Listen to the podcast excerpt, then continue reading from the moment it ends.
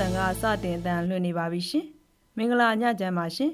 ဒီကနေ့မြန်မာတက္ကရာ1385ခုနှစ်နယုံလပြည့်ကျော်6ရက်နေ့ခရစ်တက္ကရာ2023ခုဇွန်လ10ရက်ကြာသပတေးနေ့ညပိုင်းဒီမိုကရက်တစ်မြန်မာတန် DPP ရဲ့ချစ်တော်ကဘာမြေရေဒီယိုအစီအစဉ်ကိုစတင်နေပါပြီ DPP ရဲ့ညပိုင်းတန်လွှင့်အစီအစဉ်တွေကိုမြန်မာစံတော်ချိန်ည9:00နာရီကနေ9:00နာရီခွဲထိလိုင်းတူ73မီတာကီလိုဟတ်2183ညကနေထုတ်လွှင့်ပေးနေတာပါ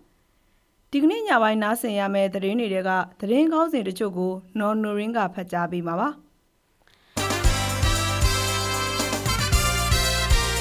Diary တိုင်းမူဝီမှာငလင်လောက်ခတ်လို့လူလူသေးဆုံးပြီးဖျားထီတော်နဲ့ဘုံရင်เจ้าတွေပျက်စီးသွားခဲ့တဲ့တဲ့။မုံတိုင်းကြောင့်ထိခိုက်ပျက်စီးသွားတဲ့ရခိုင်ငါးဖမ်းလုပ်ငန်းတွေနဲ့ငါးဖမ်းသမားတွေအတွက်လိုအပ်တဲ့ကိရိယာတွေကိုကုလသမဂ္ဂကပံ့ပိုးပေးသွားမယ်ဆိုတဲ့တဲ့ မောခါမုံတိုင်းကြောင့်စခန်းတစ်ခုလုံးပျက်စီးသွားခဲ့တဲ့မြောက်ဦးမြို့နယ်တိန်ညိုစစ်ဘေးရှောင်စခန်းမှာစစ်ဘေးရှောင်တွေအတွက်အမိုးအကာနဲ့စားနပ်ရိက္ခာတွေရေးတကြီးလိုအပ်နေတဲ့သတင်းတွေကိုနားဆင်ရဖို့ရှိပါတယ်။ဒီကနေ့ဆောင်းပါအစီအစဉ်မှာတော့တော်မီတွေဟာကာဗွန်ဒိုင်အောက်ဆိုက်ထုတ်လွှတ်မှုအပြင်ရာသီဥတုကိုအခြားသောအရေးကြီးတဲ့နီလန်းတွေနဲ့လည်းထိခိုက်စေနိုင်ပါတယ်။တော်မီတွေကြောင့်ရာသီဥတုဖောက်ပြန်မှုပေါ်အကျိုးသက်ရောက်မှုများဆောင်းပါကိုထုတ်လွှင့်ပေးဖို့ရှိပါတယ်။ဒီကနေ့အစီအစဉ်တွေကိုတော့ကျမဒီဂျူလိုင်းနဲ့အတူ ကျမနော်နိုရင်းတို့ကတင်ဆက်ပေးသွားကြမှာဖြစ်ပါတယ်ရှင်။ကဲနော်နိုရင်းဒီနေ့ထူးခြားတဲ့သတင်းတွေတင်ဆက်ပေးကြရအောင်နော်။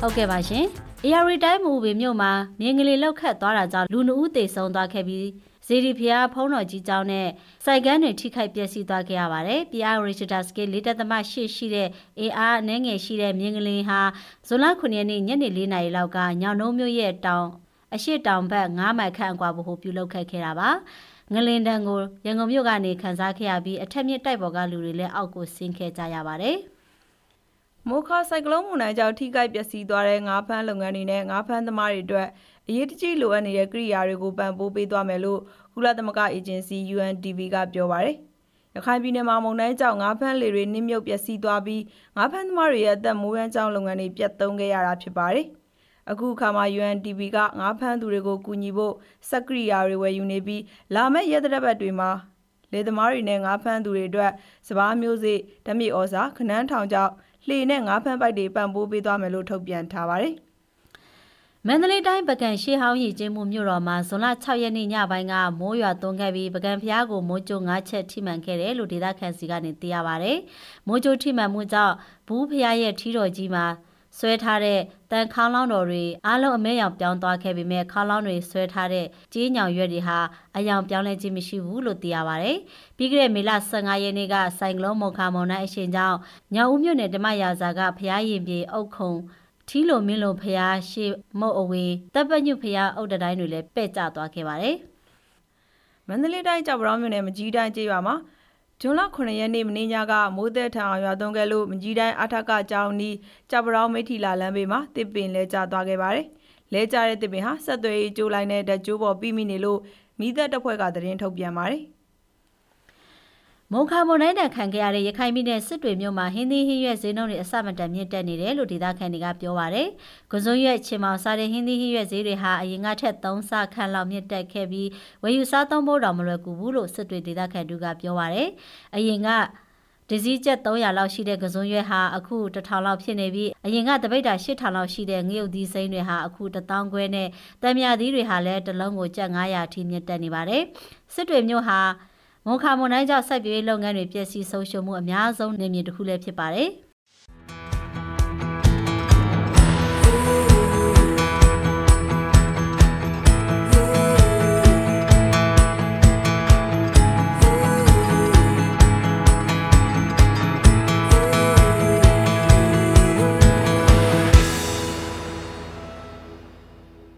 တော်တာရှင်များရှင်အခုဆက်လက်ပြီးမိုးလေဝသသတင်းတွေကိုဆက်လက်တင်ဆက်ပေးမှာဖြစ်ပါတယ်။ မင်္ဂလာပါရှင်ဇွန်လ10ရက်နေ့အတွက်မူလဝတ္တခမန်းချက်တွေကိုတင်ဆက်ပေးတော့မှာဖြစ်ပါတယ်ဒီကနေ့မနက်ပိုင်းဖန်ရရှိထားတဲ့ဂျိုရိုတိမ်မုံကြည့်မယ်ဆိုရင်တော့ကပလီပင်လယ်ပြင်နဲ့ဘင်္ဂလားပင်လယ်ရောတောင်ပိုင်းတို့မှာမုတ်တုံလေးအကောင်းရာနေအားလုံးကောင်းနေပြီးတော့ကြံမင်္ဂလားပင်လယ်ရောမှာတော့တိမ်တန်းတရနေတိမ်ထူရနေပါတယ်မနက်ဖြန်ညနေအထိမိုးလေဝသခန့်မှန်းချက်တွေအနေနဲ့ကတော့မြမကိုင်းဝရရှောင်းနဲ့ကမ်းလွန်ပင်လယ်ပြင်တို့မှာတခါတည်းရမိုးတက်လေပြင်းတွေကြားပြီး online ကြည့်နိုင်ပါတယ်။ မိုးတက်လေပြင်းကျနေတဲ့အချိန်မှာရေပြင်းမြေပြင်းလေးရတနာရီ35မိုင်အနေမိုင်40နှောင်းတိုက်ခတ်နေပါတယ်။လိုင်းမြင့်နေရတော့မြမကိုင်းဝရရှောင်းနဲ့ကမ်းလွန်ပင်လယ်ပြင်တို့မှာ9ပေရနေ17ပေလောက်ထိမြင့်တက်နိုင်ပါတယ်ရှင်။မိုးတိမ်နံပြပေါ်နိုင်မှုခံမှန်းချက်တွေနေရတော့ရှမ်းတိုင်း၊အရာရီတိုင်း၊တနင်္သာရီတိုင်း၊ကချင်ပြည်နယ်၊ချင်းပြည်နယ်၊ရခိုင်ပြည်နယ် ကရင်ပြည်နယ်မွန်ပြည်နယ်တို့မှာမိုးတိမ်တောင်တွေဖြစ်တော်မူအကောင့်နေပြီးတော့အဆိုပါမိုးတိမ်တောင်တွေရွေးရှားတဲ့နေရာရှောင်းမှာတော့မိုးရွာသွန်းခြင်းနဲ့အတူလေပြင်းတိုက်ခတ်ခြင်းမိုးထချုံခြင်းမိုးကြိုးပစ်ခြင်းလျှက်စီးလက်ခြင်းနဲ့မိုးသီးကျွေခြင်းစတဲ့မိုးလေဝသဖြစ်စဉ်တွေဖြစ်ပေါ်နိုင်တဲ့အတွက်ကြောင့်ကြိုတင်သတိပြုနေထိုင်ကြဖို့အတွက်အကြံပြုအပ်ပါရရှင်။ မိုးရွာသွန်းနိုင်မှုခံမှန်းချက်တွေနေနေရတော့ကချင်ပြည်နယ်နဲ့ကယားပြည်နယ်တို့မှာနေရာကျကျစကိုင်းတိုင်းထပ်ပိုင်းရှမ်းပြည်နယ်မြောက်ပိုင်းတို့မှာနေရာစစိမ့်နဲ့ကြံပြည်နယ်နဲ့တန်းတွေမှာနေရာအနှံ့အပြားမိုးထချုံလာနိုင်ပါတယ်။တနင်္သာရီတိုင်းရခိုင်ပြည်နယ်နဲ့မွန်ပြည်နယ်တို့မှာဒေသအလိုက်မန္တလေးတိုင်းမကွေးတိုင်းရန်ကုန်တိုင်းရာရီတိုင်းချင်းပြည်နယ်ကရင်ပြည်နယ်တို့မှာတော့နေရာကွက်ပြီးမိုးကြီးနိုင်တယ်လို့ခန့်မှန်းထားပါရရှင်။ နေပူချိန်ခန့်မှန်းချက်တွေကတော့အမြင့်ဆုံးပူချိန်အနေနဲ့မကွေးတိုင်းမှာ39ဒီဂရီစင်တီဂရိတ်ဝန်းကျင်လောက်မြင့်တက်နိုင်ပါတယ်ရှင်။ဆက်လက်ပြီးတော့နေပြီးတော့ရန်ကုန်မြို့နဲ့မန္တလေးမြို့နဲ့အနီးတစ်ဝိုင်းမနက်ဖြန်ညနေထိခန့်မှန်းချက်တွေကတော့နေရာကွက်ကြောင့်မိုးထချုံလာနိုင်တယ်လို့ခန့်မှန်းထားပါရရှင်။ကျေးဇူးများတင်ပါတယ်ရှင်။မိုးလေဝသသတင်းတွေကိုနားဆင်ကြကြရတာပါတ ဘာဝဘေးသတင်းတွေပြန်လည်ထူထောင်ရင်းနဲ့ကုညီကေစိန်နဲ့သက်ဆိုင်တဲ့အကြောင်းအရာတွေကိုထုတ်လွှင့်ပေးနေတဲ့ဒီမိုကရက်တစ်မြန်မာအသံ DVB ရဲ့ချစ်တော်ကဘာမြေရေဒီယိုအတန်လေးအထူးအစီအစဉ်ကိုစတင်ထုတ်လွှင့်ပေးနေပါပြီ။ဒီအစီအစဉ်ကိုမြန်မာစံတော်ချိန်ည9:00နာရီကနေ9:00နာရီခွဲထိလိုင်းတို73မီတာ kHz 11843ညကနေဖမ်းယူနားဆင်နိုင်တဲ့အကြောင်းအတည်ပြုကြေညာအပ်ပါတယ်ရှင်။ ဒီမိုကရက်တစ်မြန်မာတန်ကဆက်လက်အတန်လွှင့်နေပါတယ်အခုဆက်လက်ပြီးသတင်းပေးပို့ချက်တွေကိုဆက်လက်ထုတ်လွှင့်ပေးတော့မှာမို့နော်နိုရင်းကပြောပြပေးမှာပါဟုတ်ကဲ့ပါရှင်။ AR တိုင်းမအူပင်မြို့မှာငလင်လောက်ခတ်ခဲ့ပြီးလူနူးသေးဆုံးကဖျားထီတော်နဲ့ဖုံရင်ကျောင်းတွေပျက်စီးသွားခဲ့တယ်လို့မြင်ငလင်လောက်ခတ်သွားပြီးတဲ့နောက်နောက်ဆက်တွဲငလင်တွေဆက်တိုက်လောက်ခတ်ခဲ့တာကြောင့်မူပင်ပွဲနှင်းတဲ့ပင်စာမွေးပွဲကိုလည်းရွှေ့ဆိုင်လိုက်ရပါတယ်။ဒီအကြောင်းကိုလင်းရင်ကပြောပြပေးမှာပါရှင်။ ဟုတ်ကဲ့ပါပြင်းအား Register Scale 4.8ရှိအင်အားနဲ့ငယ်ရှိတဲ့မြင်းကလေးဟာဇွန်လ9ရက်ညနေမြန်မာစံတော်ချိန်4:23မိနစ်52စက္ကန့်အချိန်မှာကဘာအေးမြင်းကလေးစကန်ရဲ့အနောက်အနောက်မြောက်ဘက်33မိုင်ခန့်အကွာ AR တိုင်းညောင်တုံးမြို့ရဲ့တောင်အရှိတောင်ဘက်9မိုင်ခန့်အကွာကိုဗဟိုပြုလှုပ်ခတ်ခဲ့တာပါအဲ့ဒီမြင်းကလေးကြောင့်ညောင်တုံးမြို့နာကမူပင်မြို့နီးမှာငလင်တန်ကြောင့်တီလာရှင်တစ်ပါးနဲ့ယောဂီမျိုးသမီးတစ်ယောက်တည်ဆုံးခဲ့ပြီးဇေဒီဖျားဖုန်ကြီးကျောင်းနဲ့ဆိုင်ငန်းတွေထိခိုက်ပျက်စီးခဲ့သလိုမင်းညတကောင်ကျော်ဒီနေ့မနက်စောပိုင်းထိ နောက်ဆက်တွဲငလင်တွေဇက်တိုက်လှုပ်ခတ်ခဲ့တာလို့ဒေသခံတွေထံကသိရပါဗျ။မနေ့ညနေကတမီးနခန့်အကြာငလင်လှုပ်ခတ်မှုအတွင်းမူပင်မြို့ရဲ့အထင်ကရရွှေဖုံးမြင့်စေတီတော်ကြီးရဲ့ထီတော်ပြိုကျရိုင်လဲသွားပြီးပေါ်တော်မူဖျားမူပင်တက္ကသိုလ်ပွင့်နှင်းတပင်ခမ်းမနဲ့မူပင်တရားရုံးတို့မှာမိုးပြိုကျတာမဟုတ်ပြိုကျတာနဲ့နေရန်ကွဲအပ်မှုတွေဖြစ်ပေါ်ခဲ့တယ်လို့မြို့ကန်လူမှုကယ်ဆယ်ရေးအသင်းဝင်တို့ကပြောပါတယ်။ရွှေဖုံးမြင့်ဖျားနဲ့ကရက်မှာရှိတဲ့မိုးကုတ်ဝိပဿနာရိတ်တာအဆောက်အဦစိတ်ပန်းပြိုကျပြီး ပြီးမိခဲ့တဲ့အတွက်တီလာရှင်တစ်ပါးနဲ့ယောဂီဝိအမျိုးသမီးတစ်ယောက်တည်ဆုံခဲ့တာဖြစ်ပါတယ်။အခုလောလောဆယ်တော့ကျွန်တော်တို့ရင်ကွမ်းအောင်ရောက်နေပါဗျမေမေရှင်တစ်ပါးနဲ့ဒုတိယကမိန်းကလေးတစ်ယောက်ကတော့ခေါင်းပြီးပြီးတော့ခေါင်းပြောင်းသွားပါတယ်ဗျလောလောဆယ်တော့တရားလေးတစ်ပါးကတော့ခေါင်းကိုပြောင်းသွားတာပဲဒေါ်ကြီးတစ်ယောက်ကတော့ခေါင်းထိထားတယ်သူလည်းခေါင်းထိသွားတာပဲဟုတ်နိုင်ရန်ပြိုကျပြီးပြီတာဗျဟုတ်အခုလေးကကိုဖုန်းဆက်တဲ့အချိန်မဆက်တင်လေးတစ်ချက်တစ်ချက်ထပ်လို့သွားသေးတယ်ခါတော့သွားတာပဲဒီအားဆိုလေးခါရှိသွားတယ်ကျွန်တော်လုံတာဆန္ဒကျွန်တော်ကတစ်ခါဒုတိယတစ်ခါတော့ဆိုတယ်အခုဒီတစ်ခါလည်းနည်းနည်းလေးသိသွားတယ်ဟုတ် မူဝင်မြို့ကယ်ဆယ်ရေးအသင်းဝင်တူကပြောပြခဲ့တာပါညနေ9:45မိနစ်လောက်မှာငလင်ထပ်မံလှုပ်ခတ်ခဲ့တာကြောင့်ဈေးဆိုင်ငန်းတချို့နဲ့ဖုန်းကြောင်းတချို့ကတိမ်နဲ့ကြောင်းဆောင်တွေနေရန်အကွဲမှုဖြစ်ပေါ်ခဲ့ပါတယ်ငလင်ကြောင့်မူပင်တက္ကသိုလ်ပွဲနှင်းသပင်ခမ်းမထိခိုက်ပျက်စီးသွားတဲ့အတွက်ဇွန်လ9ရက်10ရက်နဲ့17ရက်နေ့တွေမှာကျင်းပဖို့စီစဉ်ထားတဲ့မူပင်တက္ကသိုလ်ဝေးတင်တင်တန်းရဲ့ပွဲနှင်းသပင်ခမ်းနားကိုတဘာဝဘေးရန်နယ်ကြောင့်ယာယီရွှေ့ဆိုင်းလိုက်တယ်လို့မူပင်တက္ကသိုလ်ဝေးတင်ဌာနကကြေညာထားပါတယ်။ အဲ့ဒီပြင်မူပင်တက္ကသိုလ်နေ့တင်တန်း2022-2023ပညာသင်နှစ်ပထမနှစ်တင်တန်းမှာကြာရှုံးခဲ့တဲ့ဘာသာရပ်တွေကိုဇွန်လ10ရက်ကနေ15ရက်အထိပြန်လည်ဖြည့်ဆို့ရမယ့်နောက်ဆက်တွဲဆောင်မေးပွဲတွေကိုလည်းယာယီရွှေ့ဆိုင်းထားလိုက်ပါတယ်။ငလျင်လှုပ်ခတ်မှုကြောင့်အပြည့်အစည်းနဲ့လူထိခိုက်မှုကိုမူဝင်မြို့နယ်မိသက်ဌာနနဲ့အရက်ဖက်ကယ်ဆယ်ရေးတွေကရှာဖွေနေပြီးငလျင်လှိုင်းငယ်တွေထပ်မံပေါ်ပေါက်လာနိုင်လို့ပြင်ဆင်မှုတွေပြုလုပ်နေတယ်လို့သိရပါတယ်။ ရန်ကုန်မြို့ကနေလည်းငလျင်လှုပ်ခတ်မှုကိုခံစားရတာဖြစ်ပြီးစက္ကန့်90ကျော်အထိလှုပ်ခတ်ခဲ့တဲ့အတွက်အထက်မြင့်တိုက်ပေါ်ကလူတွေအောက်ဆင်းနေခဲ့ကြရပါတယ်။မူဝင်မြို့မှာငလျင်လှုပ်ခတ်ပြီးလူသေးဆုံးတာဇေဒီဖျားတွေနဲ့ဖုံးရင်းကျောင်းတွေထိခိုက်ပျက်စီးမှုတွေနဲ့ပတ်သက်လို့စစ်ကောင်စီပညာရေးနဲ့ဒီကနေ့ထုတ်စစ်ကောင်စီသတင်းစာတွေမှာတော့သတင်းဖော်ပြခြင်းမရှိပါဘူး။ပြီးခဲ့တဲ့မေလ31ရက်ညနေပိုင်းကလည်းကချင်ပြည်နယ်ဟိုပင်မြို့အနီးမှာအင်အား Richester Scale 9.6ရှိတဲ့ငလင်လှုပ်ခတ်ခဲ့တဲ့အတွက်ဇေဒီပထိုးနဲ့ဖုံးကျောင်းစာတင်ကျောင်းတို့ပျက်စီးသွားပါသေးတယ်။ မအူပင်မြို့မှာမြင်းကလင်ကြောက်လူသေးဆုံးဇေဒီဖျားတွေပျက်စီးသွားတဲ့တဲ့ရင်ကိုနားဆင်ခဲ့ကြရတာပါတောတာရှင်များရှင်မေလ14ရက်နေ့ကတိုက်ခတ်ခဲ့တဲ့မိုးခါဆိုင်ကလုန်းမုန်တိုင်းကြောင့်စခန်းတစ်ခုလုံးပျက်စီးသွားခဲ့တဲ့မြောက်ဦးမြို့နယ်တိမ်ညိုစစ်ဘေးရှောင်စခန်းမှာစစ်ရှောင်တွေအတွက်အမိုးကနဲ့စားနပ်ရိက္ခာတွေအရေးတကြီးလိုအပ်နေပါတယ်ဒီသတင်းကိုနော်နိုရင်းကပြောပြပေးမှာပါ။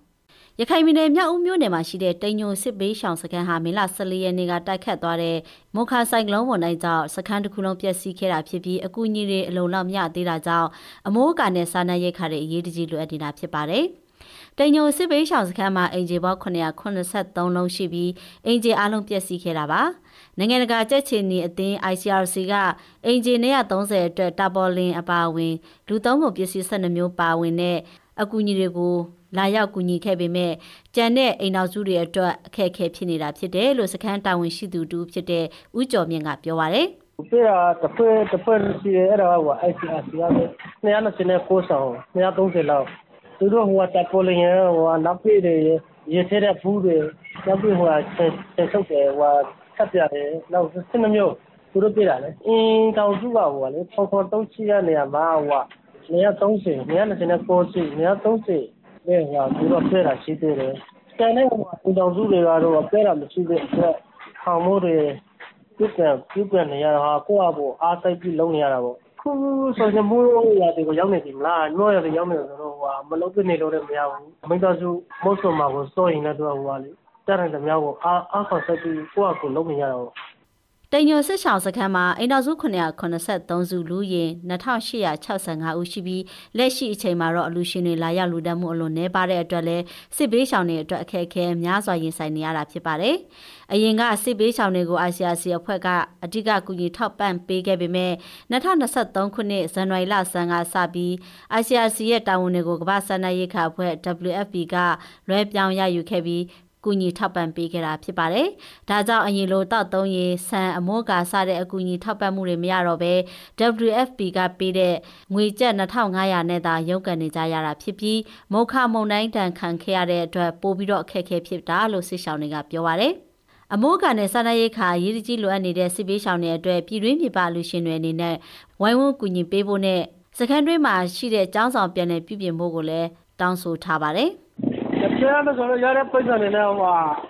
ဒီမို့တွေကိုဟိုပြုပြန်ပြီးလုံးနေတယ်လေကျန်တဲ့ဟိုစောင်းနေရတဲ့တော့ဟိုအိမ်မှာ၃ယောက်ရှိတာရှိတယ်၅ယောက်ရှိတာရှိတယ်၂ယောက်ရှိတာရှိတယ်ဟိုမိဆက်ရနေ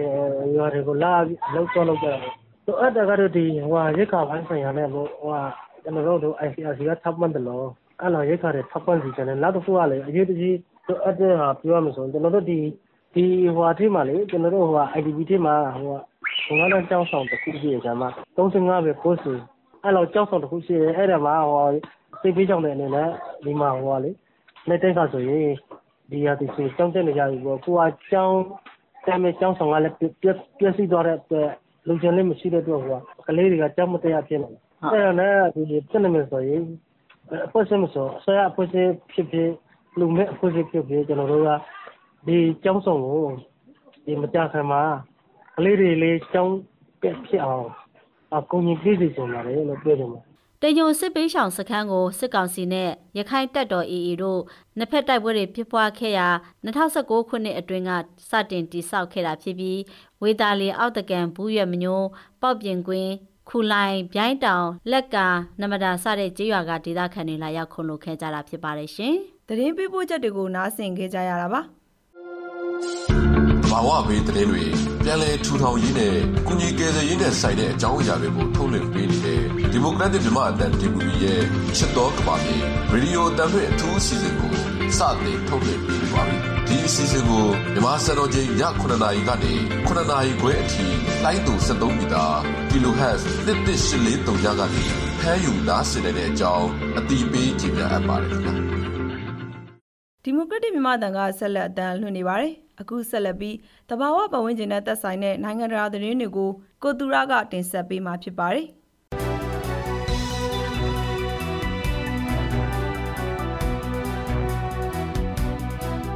ဟီတီနိုင်ငံတောင်ပိုင်းမှာဇွန်6ရက်ကပင်အား Richter scale 4.9ရှိတဲ့ငလင်တစ်ခုလှုပ်ခတ်မှုကြောင့်အနည်းဆုံး4ဦးသေဆုံးပြီး36ဦးဒဏ်ရာရရှိခဲ့ကြောင်းအာဏာပိုင်တွေကထုတ်ပြန်ပါတယ်။အနောက်တောင်ဘက်ကန်ရန်ဂျယ်ရမီမြို့အနီးအာယုံမတက်မီလှုပ်ခတ်ခဲ့တဲ့ငလင်ဟာ6မိုင်အနက်မှာလှုပ်ခတ်ခဲ့ကြောင်းအမေရိကန်ဘူမိဗေဒလေးလာရေးဌာနကသိရပါတယ်။ငလင်ကြောင့်နေနှလုံးပြိုကျပြီးဂျယ်ရမီမြို့နဲ့လက်စကာရက်မြို့ကိုဆက်သွယ်ပေးထားတဲ့အဓိကလမ်းကြောင်းပိတ်ဆို့ခဲ့ကသေဆုံးသူ၄ဦးဟာတမီသားစုတွေမှဖြစ်ပြီးပြိုကျနေတဲ့အိမ်အောက်မှာကျန်နေတဲ့သူတွေကိုကယ်ဆယ်ရေးသမားတွေကထပ်မံရှာဖွေကယ်ဆယ်နေတယ်လို့ဟေတီမြို့ပြကာကွယ်ရေးအေဂျင်စီကပြောပါတယ်။ထိတ်လန့်ကြောက်ရွံ့ပြီးထွက်ပြေးနေတဲ့ကလေးအများပြားကိုဆေးရုံတင်ထားရပြီးနောက်ဆက်တွဲငလင်တွေပြင်းထန်စွာလှုပ်ခတ်လာမှာကိုကြောက်ရွံ့နေတယ်လို့ဒေသခံတွေကပြောပါတယ်။ဟေတီနိုင်ငံဟာပြီးခဲ့တဲ့တစ်ပတ်တွင်ရေကြီးမှုကြောင့်လူ52ဦးသေဆုံးက140ကျော်ဒဏ်ရာရပြီးအင်ဂျီ3600ကျော်ရေမြုပ်ခဲ့ပြီးနောက်အခုတခါငလင်တန်ထပ်ခံရတာဖြစ်ပါတယ်။ ဘင်္ဂလားဒေ့ရှ်နိုင်ငံမှာအပူလိုင်းမြင့်တက်မှုကြောင့်မူလာရန်ကျောင်းတွေပိတ်ထားရပြီးလျှက်စစ်မီလည်းမကြာခဏပြတ်တောက်နေတယ်လို့ဒေတာတွင်းမီဒီယာတစ်ခုကဖော်ပြထားပါတယ်။ဘင်္ဂလားဒေ့ရှ်နိုင်ငံမှာ10ရက်အတွင်းပူချိန်32ဒီဂရီစင်တီဂရိတ်မှ41ဒီဂရီစင်တီဂရိတ်နီးပါးမြင့်တက်လာပြီးဘင်္ဂလားဒေ့ရှ်မိုးလေဝသကလည်းအပူချိန်ဟာအဆုံးမသတ်နိုင်ဘူးလို့သတိပေးထားပါတယ်။ ရာသီဥတုဖောက်ပြန်မှုတွေဟာနှွေကာလအတွင်းမကြာခဏဖြစ်ပေါ်ပြီးပြင်းထန်ကြာရှည်တဲ့အပူလှိုင်းတွေဖြစ်ပေါ်စေတယ်လို့ဘင်္ဂလားဒေ့ရှ်သိပ္ပံပညာရှင်တွေကပြောကြားထားပါတယ်။လောင်စာပြက်လက်မှုကြောင့်နိုင်ငံရဲ့အကြီးမားဆုံးကြောင်မီးသေးသုံးဓာတ်အားပေးဆိုင်ရုံအပါအဝင်ဓာတ်အားထုတ်လုပ်တဲ့ယူနစ်အများပြားကိုရပ်ဆိုင်းလိုက်တဲ့အတွက်နောက်ထပ်နှစ်ပတ်အကြာဓာတ်အားပြတ်တောက်မှုကြုံတွေ့နိုင်ရကြောင်းဆွဲနယ်တပ်ထုဝင်ကြီး Nasrul Hamad ကပြောပါတယ်။အပူလေဖြတ်တာတခြားအပူဆိုင်ရာပြဿနာတွေခံစားနေရတဲ့လူနာအများပြားရှိနေတယ်လို့ဆေးပညာရှင် Mr. Rahan ကပြောပါတယ်။ ချီလီနိုင်ငံရဲ့မြို့တော်ဆန်တီယာဂိုရဲ့ကောင်းကင်ယံမှာညဉ့်ညမ်းတဲ့မြူတူတိမ်နိုင်တွေဇွန်9ရက်ကဖြစ်ပေါ်ခဲ့ပါတယ်။ဆောင်းရာသီမှာလေလူထဲမှာတွေ့ရတဲ့လူသားမျက်စိနဲ့မမြင်နိုင်တဲ့အမှုံမွှားတွေနဲ့အရေးအမှုံမွှားတွေကြောင့်အခုလိုတိမ်နိုင်တွေဖြစ်လာတာလို့ဆန်တီယာဂိုရာဦးကော်ဒီယိုတက္ကသိုလ်ရာသီဥတုဆိုင်ရာပညာရှင်ကပြောပါတယ်။ရာသီလက်ယောဂပြန့်ပွားမှုကိုရှောင်ဖို့အာနာပိုင်တွေကပြည်သူတွေလက်ကိုအဆက်မပြတ်ဆေးပြီးပါဇက်နှာခေါင်းစည်းတွေသုံးဖို့စတဲ့အစီအမံတွေချမှတ်ဖို့တောင်းဆိုထားပါတယ်။ကျန်းမာရေးဝန်ကြီးရှင်ရနာအကွေလျာကကလေးသူငယ်တွေမှာအသက်ရှူလမ်းကြောင်းဆိုင်ရာယောဂဖြစ်ပွားမှုအရေးအတွက်ကပြီးခဲ့တဲ့သတင်းအပတ်နှဲငယ်အတွင်းတိုးများလာတယ်လို့ပြောပါတယ်ပါတယ်။ကူးစက်မှုတွေအတွက်ကြိုတင်ပြင်ဆင်ထားမယ်လို့ကျန်းမာရေးဝန်ကြီးဌာနကကြေညာထားပေမဲ့ဆောင်းရာသီအားလပ်ရက်တွေရောက်လာတဲ့အခါမနှစ်ကလှုပ်ဆောင်ခဲ့တဲ့အစီအမံတွေလိုပြင်းထန်မှာမဟုတ်ဘူးလို့အာမခံထားပါတယ်။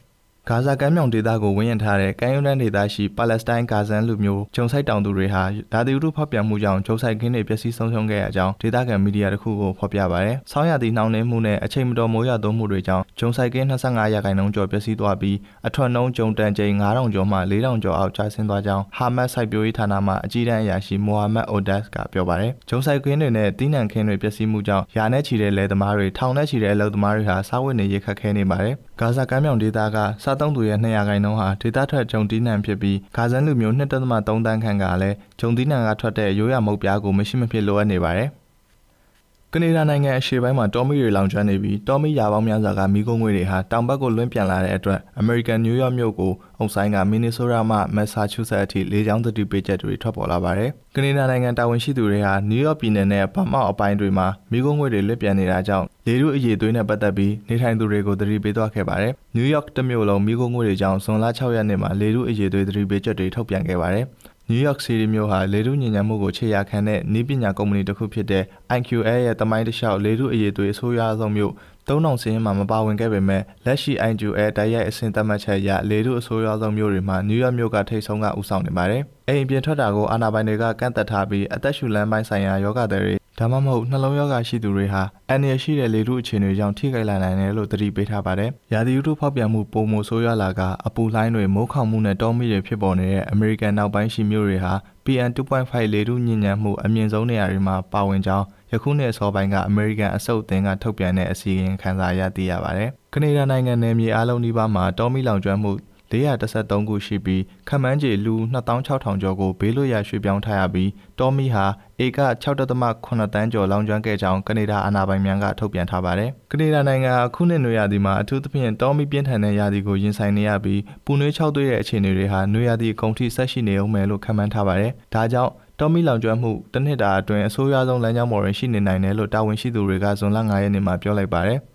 ကျွန်တော်တို့ရဲ့ပညာရေးဆိုင်ရာဆန်မော်ဒယ်အရနွေရာသီတစ်လျှောက်လုံးအထူးပြင်းထန်တဲ့တောမီရာသီဖြစ်နိုင်တယ်လို့ပြထားပါတယ်။ဒါကိုအတူတကွဖျက်ကျော်သွားမှာပါလို့ဝန်ကြီးချုပ် Justin Trudeau ကအော်တိုဝါမြို့မှာပြုလုပ်တဲ့သတင်းစာရှင်းလင်းပွဲမှာပြောခဲ့ပါတယ်။ကနေဒါနိုင်ငံအတွင်းပြည်내နဲ့နယ်မြေအလုံးနီးပါးမှာတောမီတွေလောင်ကျွမ်းနေပြီးသူတို့ရဲ့စံပြပုံစံအရကနေဒါနိုင်ငံရဲ့နေရာအများစုမှာအော်ဂိုလာအထိတောမီအန်ရဲ့ပုံများလာနိုင်တယ်လို့ပြည်ထောင်စုဆိုရတာဝန်ရှိသူတွေကပြောခဲ့ပါတယ်။ ကနေဒါအရှေ့ပိုင်းမှာမီးတောက်တွေအပြန်လောင်ကျွမ်းနေပြီးအတ္တလန္တိပြည်နယ်နိုဗာစကိုရှာနဲ့ကယ်ယိုရန်ပြည်နယ်ကွီဘက်တို့မှာဒေသခံတွေကိုဘေးလွတ်ရာရွှေ့ပြောင်းခိုင်းခဲ့ရပါတယ်။တနင်္ဂနွေနေ့အထိဟက်တာ3.3တန်းလောက်မီးလောင်ခဲ့ပြီး10နှစ်အတွင်းပြင်းပြထက်73ဆလောက်ကျဲတဲ့နေရာတွေပါလောင်ကျွမ်းခဲ့တာပါလူပေါင်း3,200ထက်မနည်းဟာသူတို့နေအိမ်တွေကနေယာယီအတင်းကျပ်ရွှေ့ပြောင်းခိုင်းတာခံခဲ့ရပါတယ်ရေကြီးပြီးတဲ့နောက်ကနေဒါမှာဒုတိယကုန်ကျစရိတ်အများဆုံးတောမီလောင်ခဲ့လို့နေအိမ်တွေပျက်စီးခဲ့တာပါ ပင်မကုန်ကျန်းထုတ်လုပ်တဲ့အယ်ပါတာပြည်နယ်က ရေနံနဲ့တဘာတံငွေထုတ်လုပ်မှုကို ထိခိုက်ခဲ့ပြီး ကနေဒါနဲ့ အမေရိကန်ပြည်ထောင်စုတို့မှာ လေထုကိုညှဉ်းညမ်းစေခဲ့ပါတယ်။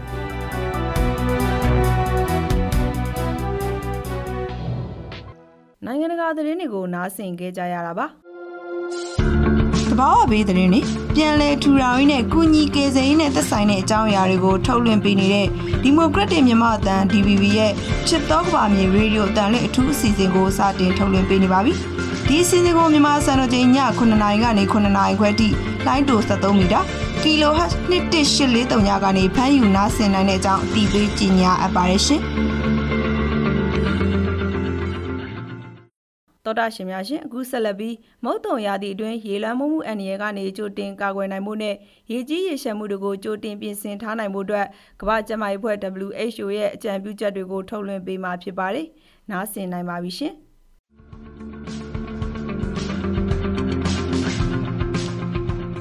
မုတ်တုံရာသီမှာရေလွှမ်းမိုးမှုအန္တရာယ်ကနေဘေးလွတ်ရာကိုရှေ့ပြောင်းတဲ့အခါမှာဒါတွေကိုတတိထားရပါမယ်။ သက်ဆိုင်ရာတာဝန်ရှိသူတွေကအကြံပြုပါကမြေနှိမ့်သောနေရာများမှရွှေ့ပြောင်းရန်လုံခြုံရေးကယ်ဆယ်ရေးတပ်ဖွဲ့များနှင့်ပူးပေါင်းဆောင်ရွက်ရန်ရေတန်းငွေလှစ်စစ်နှင့်ဆက်ဆက်ရာမိန်းခလုတ်များကိုပိတ်ပစ်ရန်ဖုန်းများကိုအာသွင်းပြီးသားဖြစ်နေပါစေအစစ်အစာများကဲ့သို့သောတင်စီထားတဲ့အစာအစာများနဲ့တည့်ရဲ့ပိုင်ဆိုင်မှုပစ္စည်းများကိုမြင့်သောနေရာများမှာထားပါတည့်ရဲ့ဘေးအန္တရာယ်ရွှေ့ပြောင်းရေးအရေးပေါ်အိတ်ကိုဆောင်ထားပါ COVID-19 အတွက်ကြိုတင်ကာကွယ်ရမယ့်ဘေးအန္တရာယ်ကင်းရှင်းရေးဆိုင်ရာအပြုအမူတွေကိုရေဘေးရှောင်ကယ်ဆယ်ရေးစခန်းတွေမှာလည်းဆက်လက်လိုက်နာပါ။ပါစက်နဲ့နှာခေါင်းစီ mask ကိုတပ်ဆင်ပါ။တည့်ရတဲ့များကိုစက်ပြနဲ့ရေဖြင့်မကြာခဏဆေးကြောပါ။တအုပ်နဲ့တအုပ်ခတ်ခေါက်ခါနေပါ။ရေလွှမ်းမှုအန္တရာယ်ကြိုတင်ကာကွယ်အကြံပြုချက်တွေကိုထုတ်လွှင့်ပေးခဲ့တာပါ။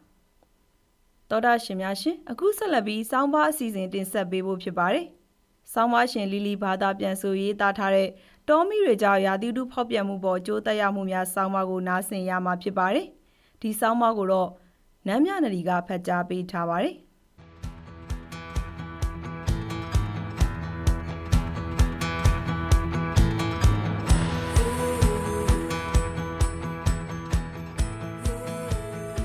မြောက်အမေရိကဥရောပနဲ့စိုက်ဘေးရီးယားတို့မှာအခုနှစ်အတွင်းပြင်းထန်တဲ့တောမီလောင်ကျွမ်းမှုတွေဟာဒေသတွင်းပျက်စီးစေုံဒါမကမိခိုးငွေတွေပါသွားကမြစ်အောက်ပိုင်းကိုပြန့်နှံ့သွားခဲ့ပါတယ်။ တောမီတွေဟာသူတို့ရဲ့မီးတောက်တွေကိုကြာရှည်ခံစေတဲ့အရေးကြီးနီလန်းတွေနဲ့ရာသီဥတုကိုလည်းဖောက်ပြန်ထိခိုက်စေပါတယ်။တောမီတွေဟာကာဗွန်ဒိုင်အောက်ဆိုက်နဲ့တခြားဖန်လုံအိမ်ဓာတ်ငွေ့တွေကိုထုတ်လွှတ်ပြီးအနာဂတ်ကဘာကိုလွန်စွာပူနွေးစေမှာဖြစ်ပါတယ်။တောမီတွေဟာလေထုတဲကကာဗွန်ဒိုင်အောက်ဆိုက်ဓာတ်ငွေ့ကိုဖယ်ရှားပေးမဲ့တစ်တောတွေကိုပျက်စီးစေပြီးပူနွေးမှုနဲ့အေးခဲမှုပေါ်ရှုပ်ထွေးတဲ့တက်ရောက်မှုတွေနဲ့လေထုတဲကိုပြတွေရောက်ရှိစေပါတယ်။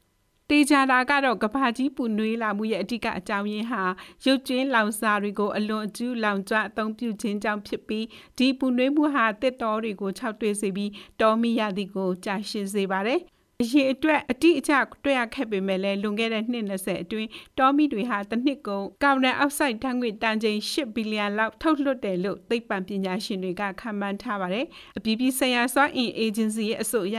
2019ခုနှစ်မှာကမ္ဘာလုံးဆိုင်ရာကာဗွန်ဒိုင်အောက်ဆိုက်ထုတ်လွှတ်မှုစုစုပေါင်းကိုတွက်ချက်တဲ့အခါမှာသိပ္ပံပညာရှင်တွေကတောမီတွေကထွက်တဲ့ကာဗွန်ဒိုင်အောက်ဆိုက်အားလုံးကိုအသတင်ထုတ်လွှင့်မှုဖြစ်ထည့်သွင်းမတွက်ချက်ထားပေမဲ့လည်းတောမီတွေဟာနှစ်စဉ်ကမ္ဘာလုံးဆိုင်ရာကာဗွန်ဒိုင်အောက်ဆိုက်ထုတ်လွှင့်မှုရဲ့9ရာခိုင်နှုန်းကနေ10ရာခိုင်နှုန်းအထိရှိတယ်လို့ခန့်မှန်းထားကြပါတယ်။ လူသားတွေရုပ်ကျွင်းလောင်စာတွေကိုမီးရှို့လောင်ကျွမ်းစေပြီးရာသီဥတုဖောက်ပြန်ပြောင်းလဲခြင်းမစမီကြာမြင့်စွာကလေးကတောမီလောင်ကျွမ်းမှုတွေကအမြဲရှိခဲ့တာပါဒီလိုကြာရှည်တန်းငွေထုတ်လွှတ်မှုဟာလည်းကဘာကျူရဲ့သဘာဝကာဗွန်စက်ဝင်ရဲ့တစ်စိတ်တစ်ပိုင်းဖြစ်ပါတယ်ဒါပေမဲ့မီးငိမ့်တက်တဲ့အလေးအထတွေပါဝင် လူသားတွေရဲ့လှုပ်ဆောင်မှုတွေဟာပုံမကြီးမားပြီးပြင်းထန်တဲ့မီးတွေကိုဖြစ်ပေါ်စေကသူတို့ရဲ့ထုတ်လုပ်မှုဟာလည်းကဘာကြီးပူနွေးလာမှုကိုပုံမကြီးမားတဲ့ပံ့ပိုးကူညီမှုတစ်ခုဖြစ်လာခဲ့ပါတယ်မ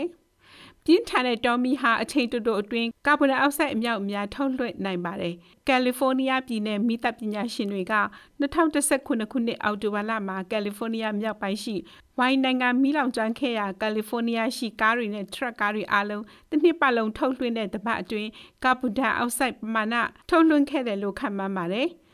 NOAA အဖွဲ့အစည်းရဲ့သိပ္ပံပညာရှင်ပီတာတန်စ်ကဧက9သိန်းကိုဖျက်ဆီးပစ်နိုင်တဲ့အလွန်ကြီးမားပြီးအလွန်ပူပြင်းတဲ့မီးလောင်ကျွမ်းမှုတစ်ခုဟာတစ်နှစ်အတွင်းကြီးမားတဲ့ကြောက်မီးသွေးသုံးဓာတ်အပင်းစိတ်ယုံ6ယုံကဲ့သို့ကာဗွန်ဒိုင်အောက်ဆိုက်စုစုပေါင်းပမာဏကိုထုတ်လွှတ်နိုင်တယ်လို့ဆိုပါတယ်။ တချို့ဒေသတွေမှာမီးလောင်ကျွမ်းမှုပုံမဆိုးရွားလာပေမဲ့လည်းကဘာတဝါလုံးရှိတောမီလောင်ကျွမ်းမှု area နဲ့တောမီတွေကထုတ်လွှတ်မှုစုစုပေါင်းဟာလွန်ခဲ့တဲ့အနှစ်20အတွင်းအမှန်တကယ်လျော့နေသွားခဲ့တယ်လို့အထက်လက်ခွဲချမ်းစိတ်ဖြာသူ Dutch to သေးသည်ဂူဒိုဘန်ဖာဝတ်ကပြောခဲ့ပါတယ်ကဘာလုံးဆိုင်ရာကြဆင်ရခြင်းဟာအပူပိုင်းဒေသရှိဆာဗနာနဲ့မိုးတစ်တော်တွေကမိလောင်ကျွမ်းမှုနေတဲ့စိုက်ပျိုးမြေတွေဖြစ်ပြောင်းလဲသွားတာကြောင့်ဖြစ်ပါတယ်။ ကဘာကြီးပူနွေးလာမှုကြောင့်အရင်ကထက်ပုံမများပြားတဲ့မီးလောင်ကျွမ်းမှုအဆင့်ကိုစတင်မြင်တွေ့ရမယ်ဆိုရင်ဒါဟာရာသီဥတုတုံ့ပြန်မှုကွင်းဆက်ရဲ့တစ်စိတ်တစ်ပိုင်းပဲလို့ဘန်တာဝက်ကပြောပါတယ်ဆိုလိုတာကကဘာကြီးပူနွေးမှုဟာတောမီတွေကိုပုံမဖြစ်ပေါ်စေပြီးတောမီတွေကြောင့်ကဘာကြီးပုံမပူနွေးမှုကိုဖြစ်စေတာပါတောမီတွေဟာကာဗွန်ဒိုင်အောက်ဆိုက်ထုတ်လွှတ်မှုအပြင်ရာသီဥတုကိုအခြားသောအရေးကြီးတဲ့နီလန်းတွေနဲ့လည်းထိခိုက်စေနိုင်ပါတယ်တော်မီဟာတစ်ပင်တွေနဲ့ခြုံပုတ်တွေကိုလောင်ကျွမ်းစေုံဒါမကမီးကိုတွေကိုလည်းထုတ်လွှတ်ပါတယ်မြေပြင်ပေါ်မှာကြာရှည်စွာပြောင်းလဲမှုတွေကိုဖြစ်ပေါ်စေပြီးဒီပြောင်းလဲမှုဟာလည်းရာသီဥတုပေါ်တက်ရောက်မှုရှိပါတယ်မီးလောင်မှုတစ်ခုဖြစ်ပွားပြီးနောက်ဆယ်စုနှစ်များစွာကာလအတွင်းမီးကျွမ်းတစ်သားတွေကိုထုတ်လွှတ်တဲ့ဓာတ်ငွေတွေဟာတော်မီကိုယ်တိုင်လွှတ်တဲ့ဓာတ်ရိုက်ထုတ်လွှတ်မှုထက်ကျော်လွန်သွားလိမ့်ရှိပါတယ်။တစ်ချိန်တည်းမှာပဲမီးလောင်ထားတဲ့နေရာတွေမှာတစ်ပင်ကြီးထွားမှုအသစ်တွေကလေထုတွေကကာဗွန်ဒိုင်အောက်ဆိုက်ကိုတဖန်ပြန်လည်ရယူပြီးစုပ်ယူပေးမှုစတင်လာပါတယ်။တစ်ပင်အသစ်တွေလင်းမြန်စွာကြီးထွားလာတဲ့အခါမှာ သူတို့ဟာကာဗွန်အမြောက်အများကိုလင်းမြန်စွာဖယ်ရှားပစ်နိုင်ပါတယ်။ဒါပေမဲ့မကြသေးခင်ကသူတေသနာပြုချက်တချို့ကကဘာကြီးပူနှွေးလာမှုဟာကိုရိုယာဒိုရဲ့အရှေ့ဘက်တန်းတစ်လျှောက်နဲ့ဆီယာနီဘာဒါတစ်တော်တွေအပါအဝင်တောမီလောင်ကျွမ်းပြီးတဲ့နောက်တစ်တော်တွေပြန်လည်ကြီးထွားမှုကိုဟန်တားနေတယ်လို့အကြံပြုထားပါတယ်။ဒီလိုအကျိုးသက်ရောက်မှုတွေဟာဆယ်စုနှစ်ကြာတဲ့အထိကျေပြန့်တဲ့လိုင်းကြောင်းတစ်ခုဖြစ်ပေါ်ထွက်မယ်ဆိုရင်လေထုတဲကကာဗွန်ဒိုင်အောက်ဆိုက်စုပ်ယူနိုင်တဲ့တစ်တော်တွေနဲ့ပါလာမှာဖြစ်ပါတယ်။တစ်တော်တွေဟာလူတွေရဲ့ဖန်လုံအိမ်ဓာတ်ငွေထုတ်လွှတ်မှုရဲ့30ရာခိုင်နှုန်းအထိစုပ်ယူနိုင်တယ်လို့ခန့်မှန်းထားပါတယ်။ကမ္ဘာကြီးပူနွေးလာမှုကြောင့်ကြီးမားတဲ့မီးလောင်ကျွမ်းမှုတွေတိုးလာတာဟာတောမီကာဗွန်ဆက်ဝန်းကိုပြောင်းလဲစေနိုင်တယ်လို့ဥရောပလက်လက်ရာသီဥတုဗဟိုဌာနကအကြီးတန်းသိပ္ပံပညာရှင်မက်ဂရင်တန်ကပြောကြားခဲ့ပါတယ်။ မီးလောင်ထားတဲ့အပင်ငယ်တွေရဲ့အတွင်းအကြံတွေဟာတောင်ရေခဲမြစ်တွေအထူးသဖြင့်အတိတ်ရှိနှင်းတွေနဲ့ရေခဲတွေပေါ်ကျရောက်တဲ့အခါမှာရေခဲတဲ့နှင်းတွေမဲမောင်ကအရေးပြောမှုကိုအရှိန်မြန်စေခဲ့ပါတယ်။ တောမီညညာမှုဟာ2012ခုနှစ်မှာ Greenland ရေခဲလွှာရဲ့မျက်နှာပြင်အရေးပြောင်းမှုမှာအရေးပါတဲ့အချက်တစ်ချက်ဖြစ်တယ်လို့ရာသီဥတုသိပ္ပံပညာရှင် Jason Box ကပြောပါတယ်။တောမီတွေကြောင့်ထွက်လာတဲ့ကာဗွန်ဒိုင်အောက်ဆိုက်ပမာဏဟာကြောက်မီသွေးရေနာနဲ့ဓာတ်ငွေတွေလောင်ကျွမ်းခြင်းကထုတ်လွှတ်တာထက်နည်းပါတဲ့အတွက်ဒီဓာတ်ငွေထုတ်လွှတ်မှုတွေကိုရှော့ချဖို့အဓိကထားလှုံ့ဆော်သင့်တယ်လို့ပညာရှင်တွေကဆိုပါတယ်။ အလွန်ခိုင်မာတဲ့ရာသီဥတုမူဝါဒမရှိရင်စက်မှုကဏ္ဍထုတ်လွှတ်မှုဟာဒီရာစုနှစ်မှာ၃ဆတိုးလာဖို့အလားအလာရှိနေပါတယ်ရှင်။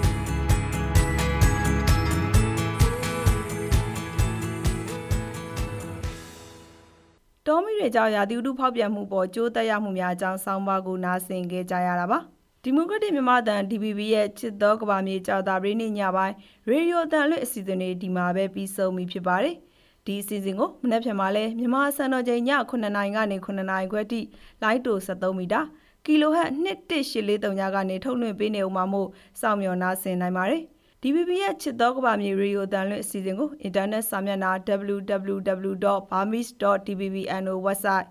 Facebook YouTube နဲ့ DBB New Pocket Channel Spotify Apple နဲ့ Google တို့မှာ smartphone ကနေတဆင့်နားဆင်နိုင်တဲ့အကြောင်းသတင်းကောင်းပါအပ်ပါတယ်။ဒီကနေ့အစီအစဉ်တွေကိုတော့ကျွန်မဒီဂျူလိုင်းနဲ့အတူ နော်နိုရင်းတို့ကတင်ဆက်ပေးခဲ့ကြတာပါတော်တာရှင်ပေါင်းကျမ်းမာချမ်းသာကြပါစေဒီပီပီကိုနားဆင်တဲ့အတွက်အထူးကျေးဇူးတင်ရှိပါတယ်ရှင်